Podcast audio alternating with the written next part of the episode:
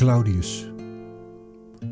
Een hoorspel in acht delen met toestemming overgenomen van Otto de Bruyne. Bewerkt door Ruud van Delft. Het verhaal speelt zich af in het begin van onze jaartelling.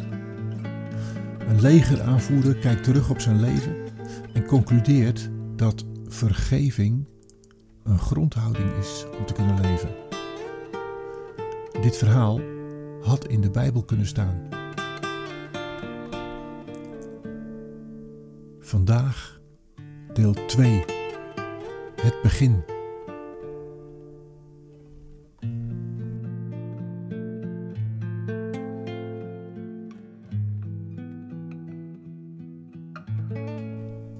Zoals je weet, mijn zoon, is na mijn geboorte jouw oma,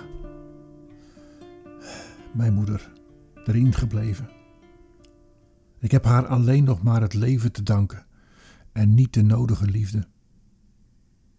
En mijn vader, jouw grootvader, was een eervol man die ten strijde trok vanuit een hoog rechtvaardigheidsgevoel.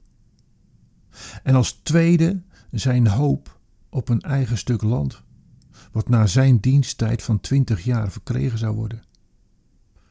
En al die jaren heeft hij mij toevertrouwd aan een goede vriend van hem. Ik werd toevertrouwd aan een man die ik lange tijd beschouwde als mijn eigen vader. En al de verhalen die ik te horen kreeg over mijn echte vader, ze spraken tot de verbeelding.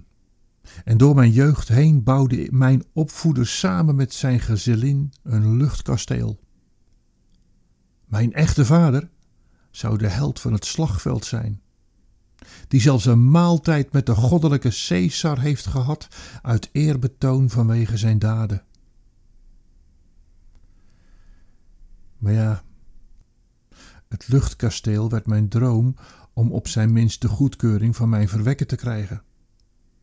Meer was die niet.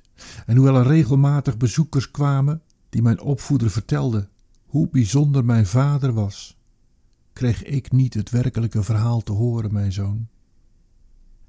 Het was de start van mijn deelname aan het dienen van de grote keizer. Caligula. Of beter gezegd, Gaius Julius Caesar. Nee, nog mooier. Gaius Caesar Augustus Germanicus. Die laatste naam heeft hij door de daden van mijn vader verkregen. Germanicus. Caligula is later op gruwelijke wijze om het leven gebracht. Het heeft mijn hart ook verhard. Maar het ergste was de terugkeer van mijn vader. In plaats van de bedachte held kwam er een zwerver thuis.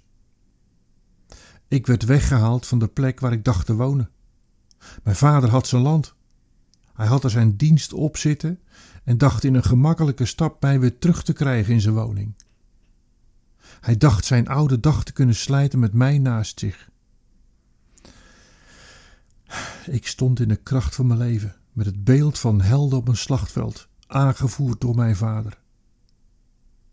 Ik ben diep teleurgesteld bij hem weggegaan. Ik weet dat hij is omgekomen van verdriet en van spijt.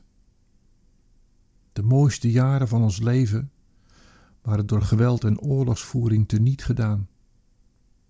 Allebei onze eigen beelden van het leven waren kapot gemaakt. Alleen ik wist dat nog niet.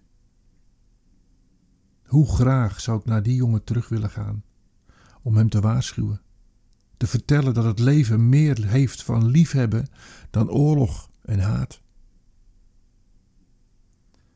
Ik schreeuw in mijn dromen naar die jongen. Hij hoort het niet. Telkens drijf ik op een vlot weg van hem. Nee, ik zou het maken in mijn leven. En het voorbeeld van mijn vader nam ik mee om voor mezelf vast te stellen dat leven er zo niet uit kon zien. Ik meldde mij bij de plek om Caesar te dienen en vertelde wie mijn vader was. En het respect dat ik daarmee kreeg was verrassend.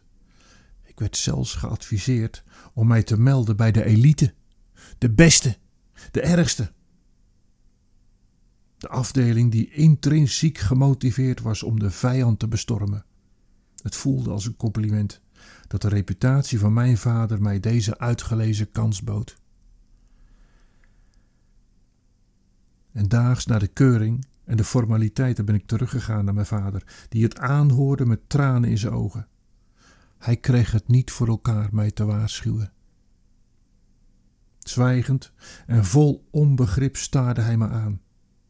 Ik ben omgedraaid en weggelopen onder het geluid van een snikkende man. Met nog meer adrenaline in mijn lijf wilde ik beginnen. Ik kon niet wachten op de ontmoeting met de afdeling die ik zou dienen.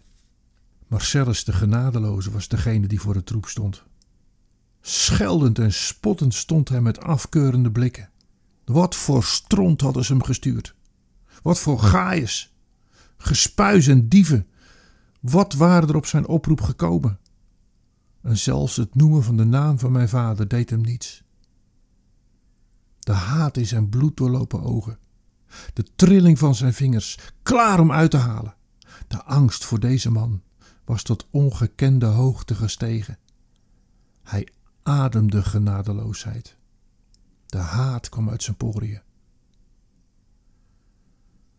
De zes maanden training waren bedoeld om datgene wat hij voor ogen had en ook in ons te persen. De helft van de mannen haalde de eindstreep niet. Afhakers werden gedood. En een zweem van angst werd afgestraft met de arena en de leeuwen. Zo werden we soldaten van de elite, de gevaarlijkste afdeling van Rome. Het half jaar daarna werden we naar Noord-Europa gestuurd.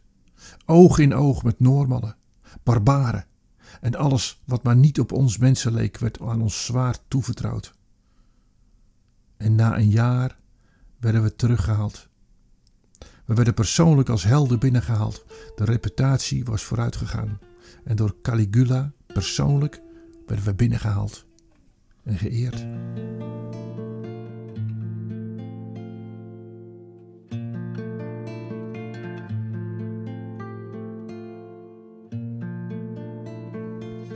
Claudius. Een theatervoorstelling gemaakt door Otto de Bruyne, bewerkt door Ruud van Delft. De muziek is van gospelkoor Tim Speranza van hun cd Thanks Be to Our God, een versie van Psalmen